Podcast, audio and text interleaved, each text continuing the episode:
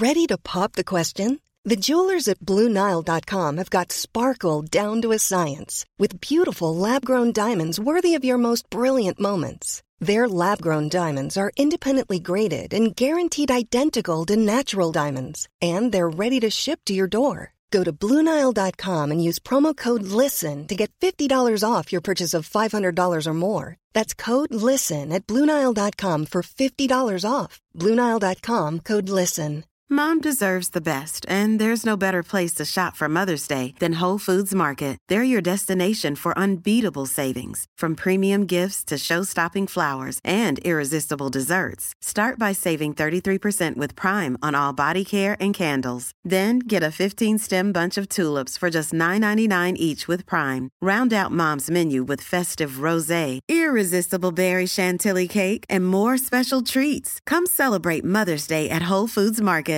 Even when we're on a budget, we still deserve nice things. Quince is a place to scoop up stunning high-end goods for 50 to 80% less than similar brands.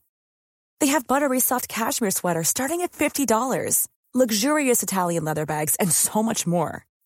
Plus, Quince only works with factories that use safe, ethical, and responsible manufacturing. Get the high-end goods you'll love without the high price tag with Quince. Go to quince.com slash style for free shipping and 365 day returns.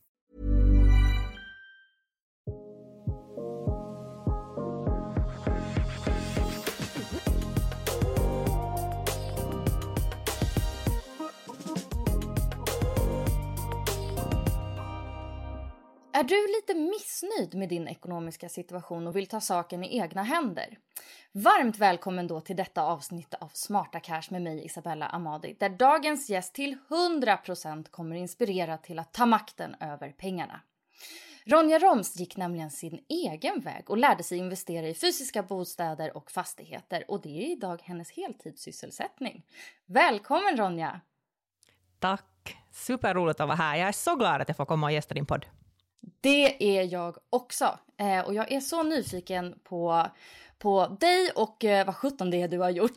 Du kommer ju dela med dig av din resa från samhällspedagog och anställd till att börja tjäna extra pengar vid sidan om och till att utveckla den sidoverksamheten till bolag.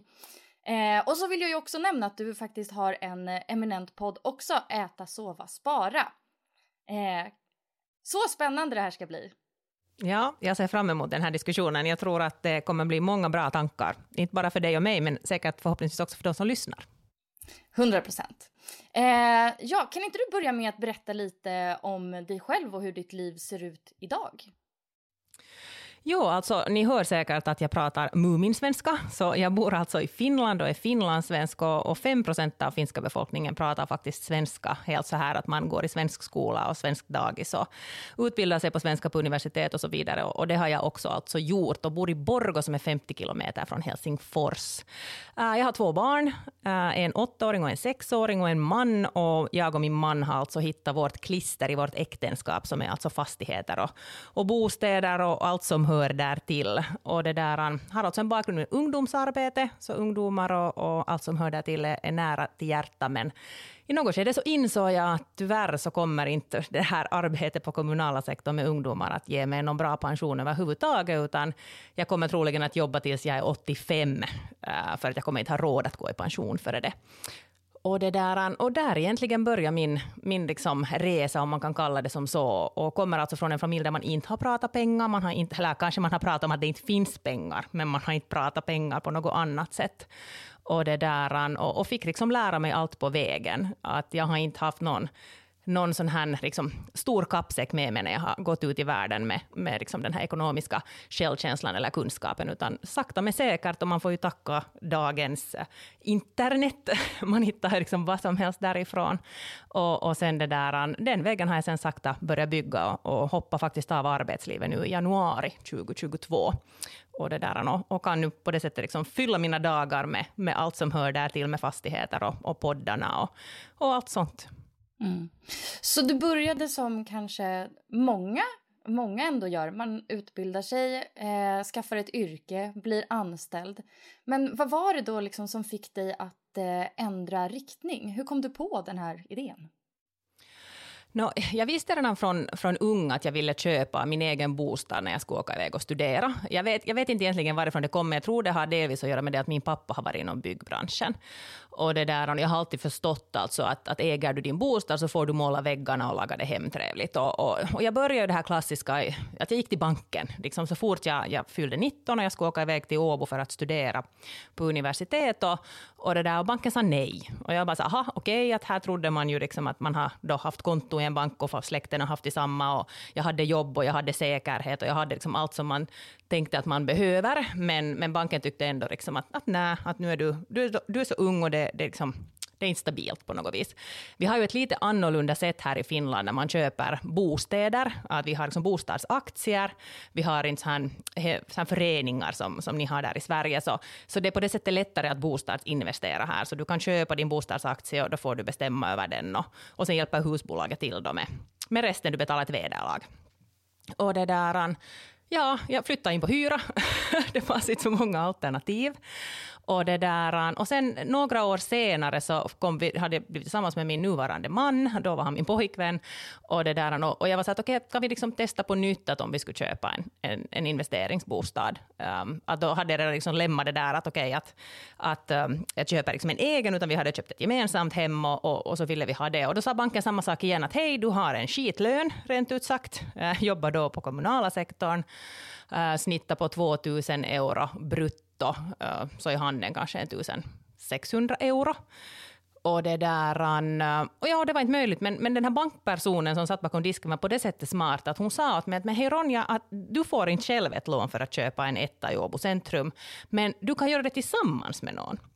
Och, och, det där, och så fick jag liksom förstå att, att jag behöver liksom ta en fjärdedel av lånet, att det skulle jag få. Så då behövde jag ju hitta tre personer som hänger på. Och, och min man var ju ivrig, vår gemensamma kompis var ivrig och sen min mans lillebror var ivrig.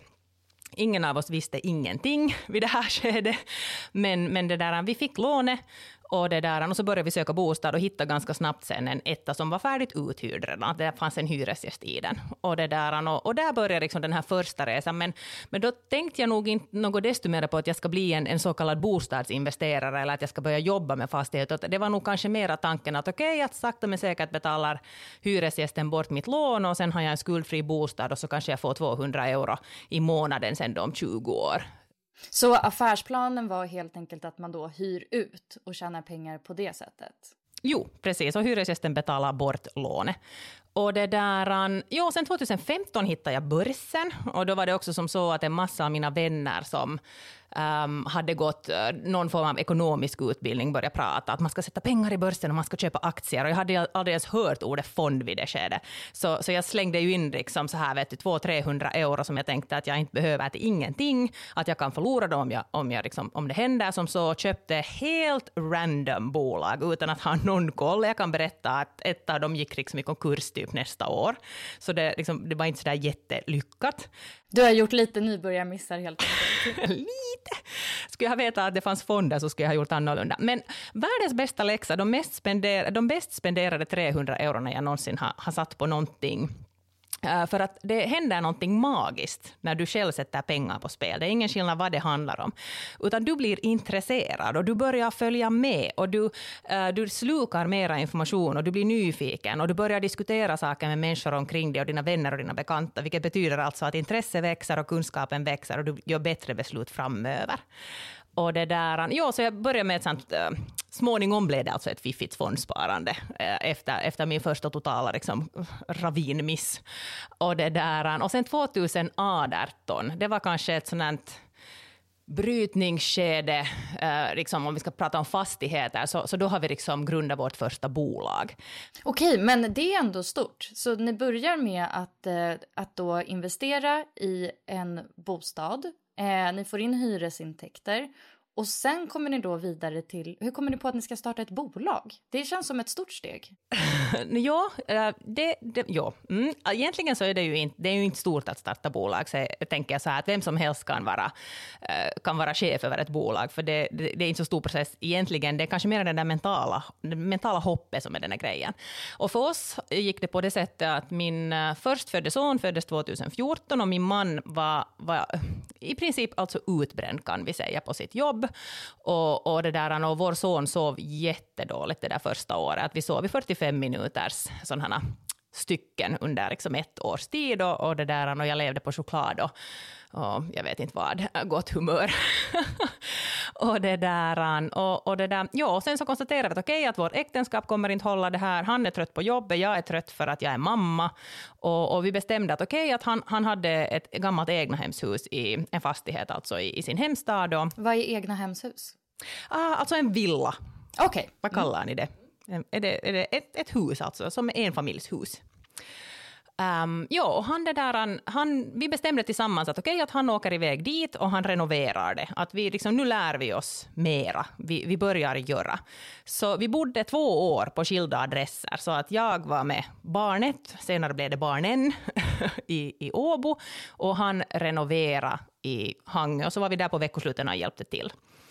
Och det där, under den tiden så på något vis insåg vi båda att okej, okay, det här med fastigheter och renoveringar och, och, bostäder och allt som hör där till, att det är någonting som intresserar oss.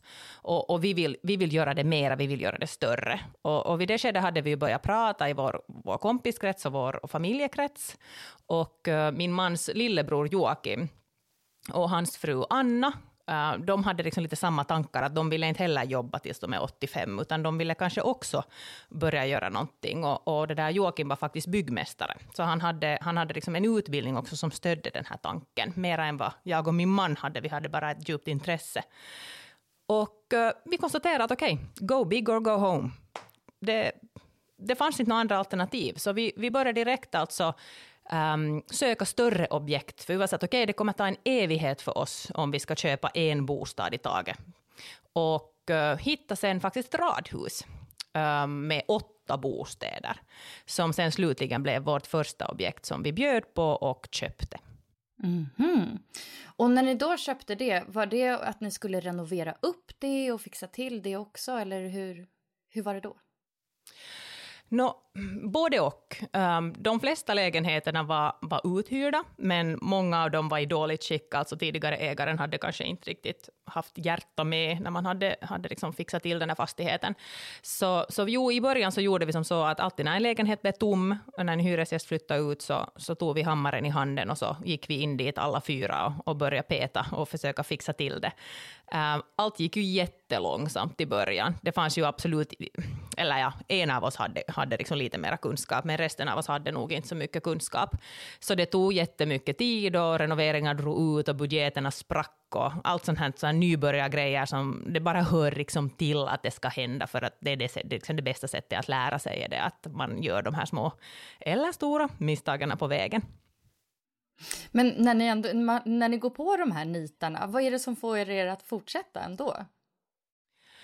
Jag tror att för mig åtminstone så är det det att, att jag tänker att det här är bara en liten del av min väg. Det är samma sak som när man pratar om börsen och man säger att det kom en coronakrasch och vi dök ner. Men att spolar du tillbaka åt liksom, så att du tittar i ett långt perspektiv så kommer vi knappast ens se den där dippen om, om, om 25 år. Och samma sak tänker jag med mina investeringar på, på fastighetssidan, att, att när någonting går åt fanders, så att säga. Så om, om 15-20 år så kommer jag knappast minnas det, eller sen kanske jag förhoppningsvis kan skratta åt det. Att vi hade till exempel en jättestor vattenskada här nu i, i december i ett objekt som vi köpte, och, och det var alltså på den nivån att vi, när vi öppnade dörren så var det en dusch från taket um, i, i, den form att röret hade spruckit. Uh, och min första reaktion var bara, jag bara började gapskratta, för jag, det var så komiskt hela den här situationen, att du kan ju inte göra någonting vid det skedet mera, som det liksom regnar inne i vardagsrummet från, från liksom våningen ovanom. Um, och jag bara konstaterar att det enda jag kan göra för att min mentala hälsa går igenom den här är att jag skrattar åt saken och jag tar det med ro och konstaterar att livet kommer bära, det kommer lösa sig och jag har människor jag kan ringa och det är bara pengar. Det är bara pengar. Eh, den här tiden när ni köpte radhuset eh, och så, jobbade du fortfarande som anställd då eller hade du gått över till att jobb, ägna dig heltid åt detta? Nej, jag har faktiskt jobbat som anställd ända fram till 2022.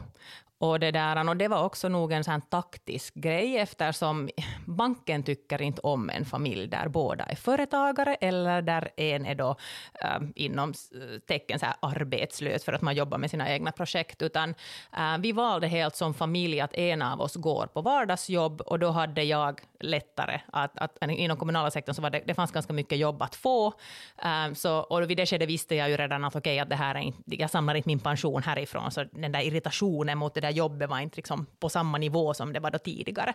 Så, så jag fortsatte knalla på och sen helgerna och veckoslutena, äh, helgerna och veckoslutena, det är samma sak, men alltså kvällarna och veckoslutena så, så satt vi liksom bredvid varandra i soffan och, och jobbade vidare med bolagen. Så, så ja, vår soffa här hemma, jag ska faktiskt byta soffa nu här inkommande månad, men, men alltså typ sju bolag har grundats i den där soffan och otaliga dörrar och fastigheter har liksom hittats och köpts och, och, och liksom jobbats kring um, där. Men att, att, det betyder också det att, att jag brukar alltid säga så att man kan inte tro att man kan få allt heller.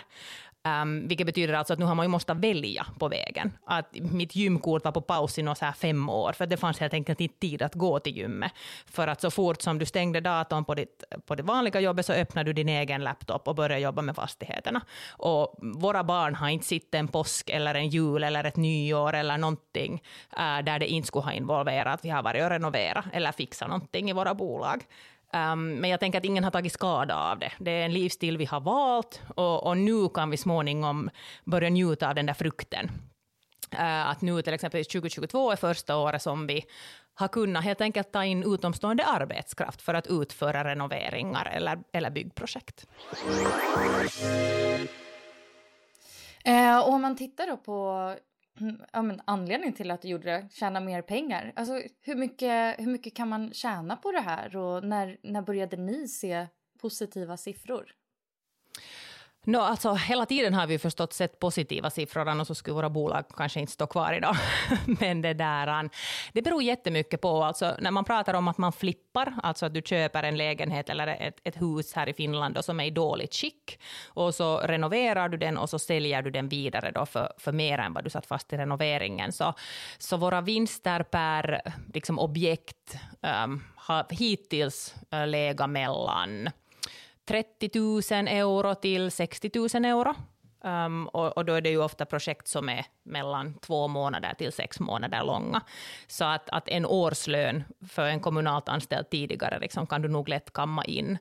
Um, sen har vi ju liksom det här året gått in också på att bygga Uh, vi bygger för tillfället ett radhus till försäljning och vi har också byggt en industribyggnad som vi har sålt. Och, och de projekten sen igen så räknar jag med att, eh, att, att de kan man leva på liksom flera år om man skulle ha en vanlig kommunal lön. Så, så det finns ju många olika sätt här att, att förtjäna pengar, samtidigt som alla hyresbostäder hela tiden knallar av på lånen och i framtiden så kommer vi de pengarna som hyresgästerna betalar hyra kommer ju också vara en del av vårt kassaflöde. Mm. Okej, så för att bara klargöra era intäktsströmmar här, då är det ju dels hyra från hyresgäster. Det är också när ni då eh, renoverar upp lite skruttiga eh, bostäder och säljer vidare. Eh, och sen så har ni adderat det här att ni även bygger helt nytt för att sälja. Ja, och, och det var nog kanske mest så här Um, det var också av en slump. Jag brukar säga att det mesta av allt jag har gjort är slumpen som har fört. Ingenting har varit så här välplanerat. Det har, jag, liksom, det har aldrig funnits en så här jättetydlig businessplan. Det är absolut inte min starka sida. Um, jag går med känsla och jag går efter bra människor och jag går efter bra teamwork. Och, och samma sak med det här byggandet. Så det fanns helt enkelt bara ingenting bra att köpa. Eh, vi sökte med, med, med, det, med det bolaget som vi nu bygger, så sökte vi alltså i ett år ett större objekt att köpa. Att vi ville ha minst 20 nya bostäder. Liksom med ett köp. Och det fanns inte. Eh, liksom, ingen sålde och vi bjöd på en massa, men, men alla bjöd mera när det var så här, Uh, liksom ut, utbud man kunde, kunde, kunde bjuda, att det var öppet. Och, och till slut var vi så att äh, vi, vi måste göra någonting annat. Och då råkade det sig som så att vi hittade en tomt som vi kunde köpa. Och så tänkte vi, men då testar vi på att bygga. Att då vet vi ju åtminstone att, att kommer det att fungera eller kommer det inte. Och, och vi gick liksom all in uh, med den tanken att vi tänkte att vi tar det inte bara som en så kallad kassako. Uh, jag brukar säga att jag delar upp mina projekt liksom i tre olika strategier, vi kan, vi kan ta det senare, men, men uh, tanken var här alltså att lära sig, få erfarenhet och, och testa på någonting nytt och, och också få, få liksom hur ska jag säga, njuta av processen. Att, att det var inte, vi, liksom, vi kämpade inte mot klockan och vi kämpade inte med en viss budget, utan vi försökte faktiskt, eller har försökt hela vägen, liksom, njuta av den här processen. Mm. Vad är de här tre strategierna? Nu blir jag nyfiken. Äh, ja, det är faktiskt någonting som, som jag, jag kom på här nu under 2022 när jag funderat att, att hur vill jag fortsätta i framöver? Och, och jag tänker som så att, att, för att jag ska vara i balans som en investerare så behöver jag tre olika formers projekt som rullar på samtidigt. En är då en kassako, som alltså med andra ord är ett projekt som jag vet att kommer generera pengar som jag kan leva på så att jag inte behöver ekonomiskt stressa.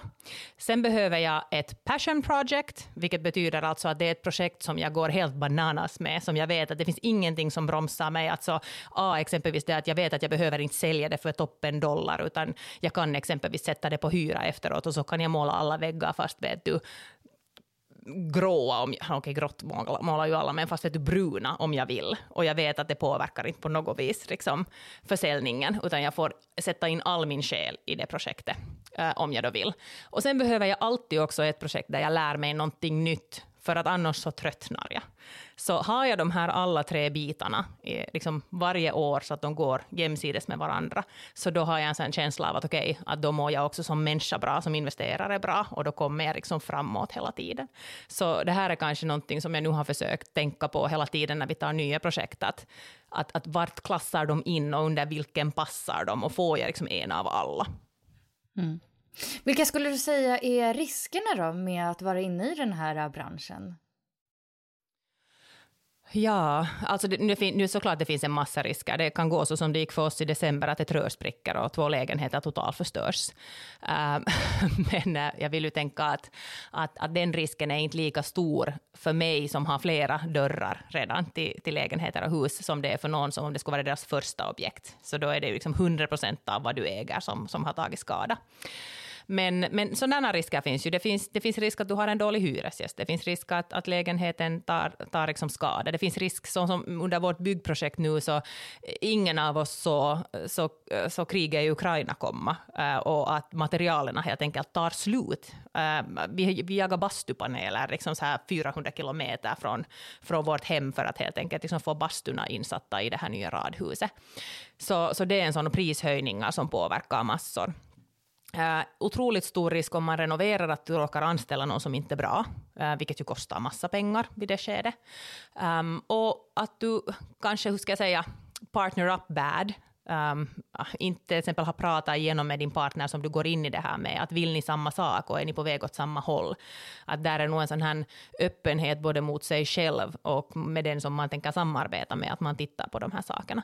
Sen däremot så, så tycker jag att, att vet du vad du köper och var du köper det, så tycker jag inte att, att eller jag tycker att fastigheter är en ganska trygg grej att sätta pengar på, för att under alla dessa tider så har människor behövt ett ställe att bo. Vi alla behöver liksom fyra väggar och ett tak, och, och det är liksom en här, i synnerhet i Norden, vi, vi, vi, kan inte liksom sätta upp ett tält och, och, det där, och, och, tycka att vi sover där när det är minus 25. Så, så det, där, det behövs alltid, men, men såklart att jag började till exempelvis investera liksom utanför huvudstadsregionen här i Finland, och, och det var ju många som höjde på ögonbrynen åt mig och, och, och tänkte som så att att, att, att finns, det, finns det någon framtid i de här mindre städerna där jag har liksom börjat. Um, men där vill jag påstå att har du lokalkännedom och du vet att på vilken gata lyktan liksom sist släcks i den staden och du köper där, så, så då har du liksom placerat dig på rätt ställe med den fastigheten du äger. Um, att, såklart, det finns i alla städer sådana områden där, där man vet som lokal att okej, okay, där skulle jag inte köpa. Och, och, då måste man ju som investerare um, vara så här humble och inse att okej, okay, jag är inte från den här kommunen eller den här staden, så jag vet inte alla gator. Att då måste jag ju kanske höra mig för så jag får tips av någon annan som är därifrån.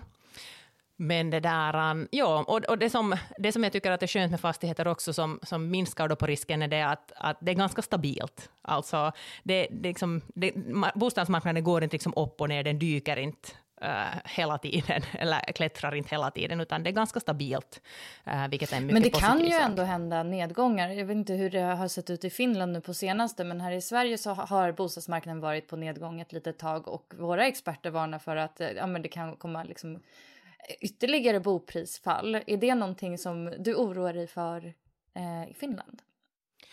Uh, nu ser vi en liten, uh, på vissa områden för tillfället, så ser vi nog att, att exempelvis försäljningstiderna är längre och, och du får inte sådana överpris som man fick här för ett år sedan. Men då tycker jag ju själv att det var helt sjukt så som marknaden såg ut i Finland här för, för ett år sedan under corona. Allt bara, allt bara revs ur händerna och det fanns ingen logik liksom i, i, i de priserna som, som, som bads. Um, så nu tycker jag ju kanske att det på ett sätt har stabiliserats, uh, att det liksom skenar inte iväg för tillfället överhuvudtaget. Um, ehm, och sen förstås, det påverkar ju då när man ska sälja någonting, så påverkar det ju. Men de flesta av våra liksom, investeringar är ju ändå så här att köp och håll.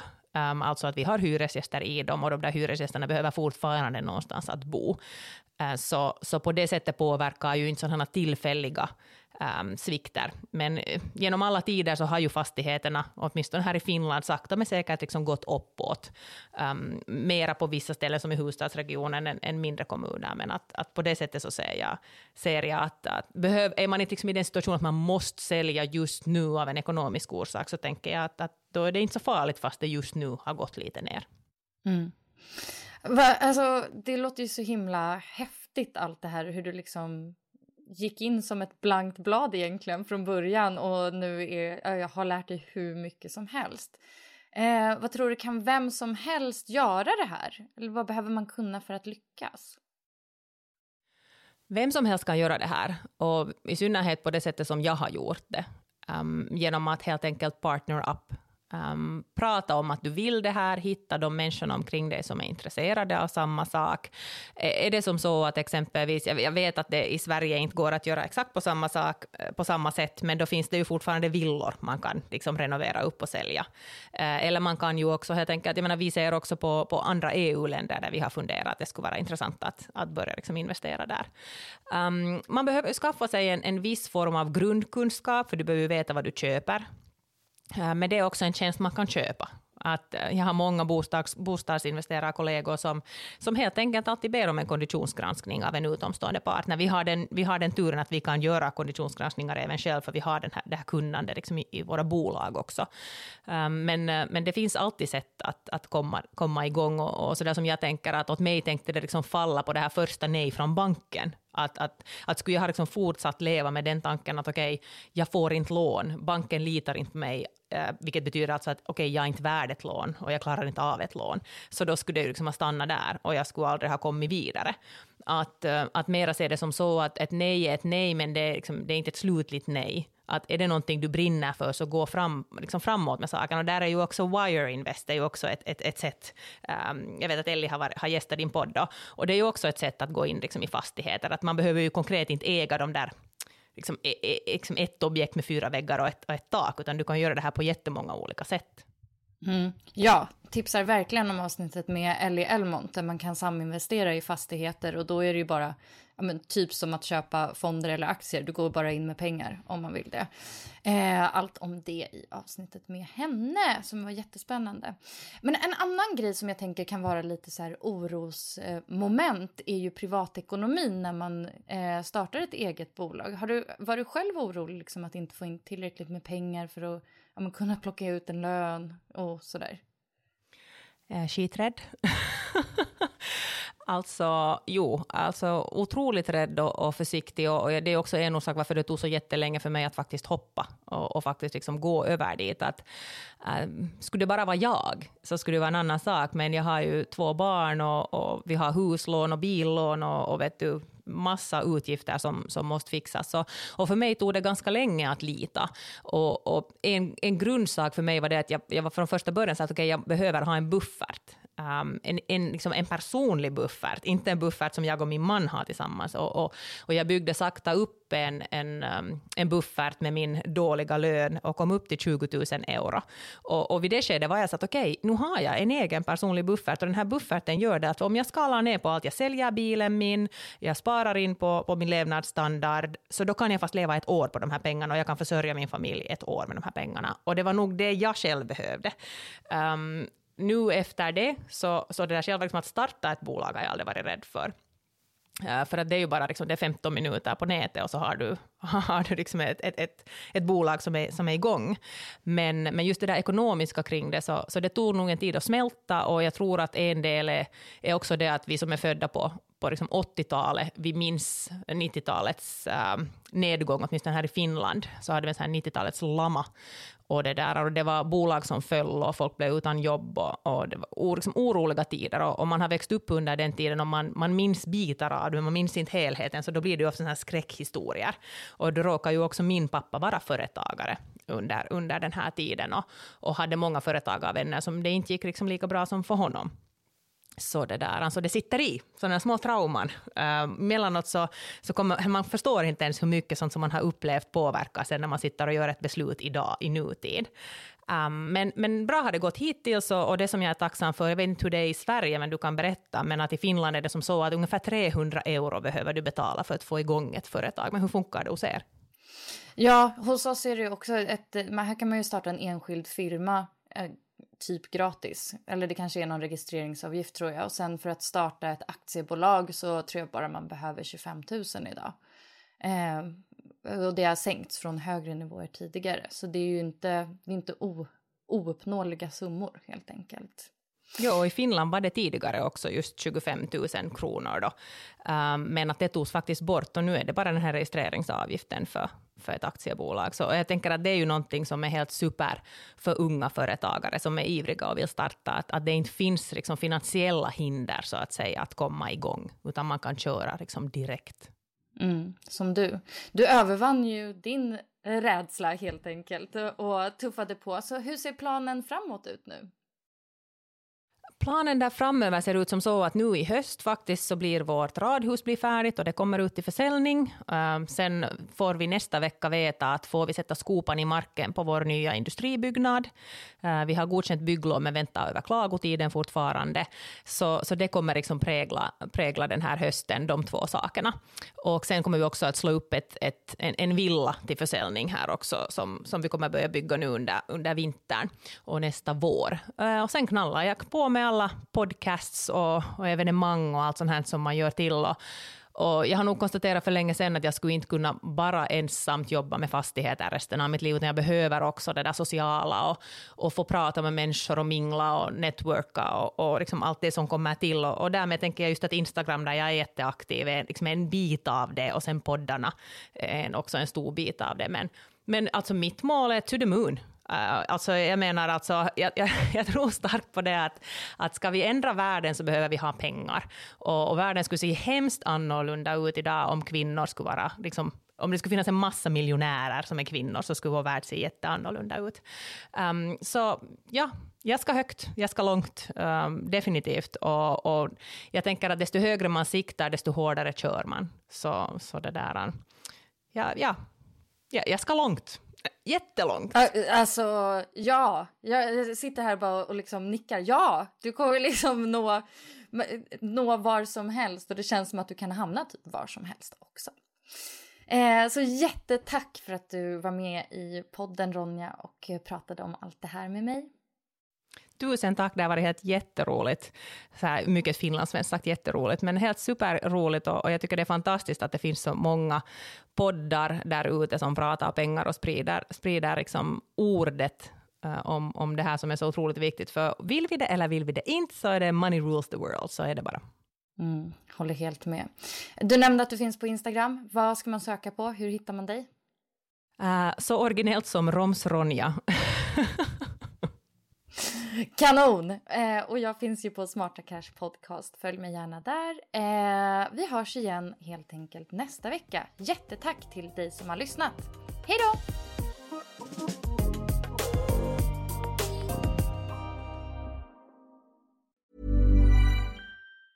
Normally, being a little extra might be a bit much, but not when it comes to healthcare. That's why United Healthcare's Health Protector Guard fixed indemnity insurance plans, underwritten by Golden Rule Insurance Company, supplement your primary plan so you manage out of pocket costs. Learn more at uh1.com. Imagine the softest sheets you've ever felt. Now imagine them getting even softer over time That's what you'll feel with Bowl and Branch's organic cotton sheets. In a recent customer survey, 96% replied that Bowl and Branch sheets get softer with every wash. Start getting your best night's sleep in these sheets that get softer and softer for years to come. Try their sheets with a 30-night guarantee. Plus, get 15% off your first order at bowlandbranch.com. Code BUTTERY. Exclusions apply. See site for details.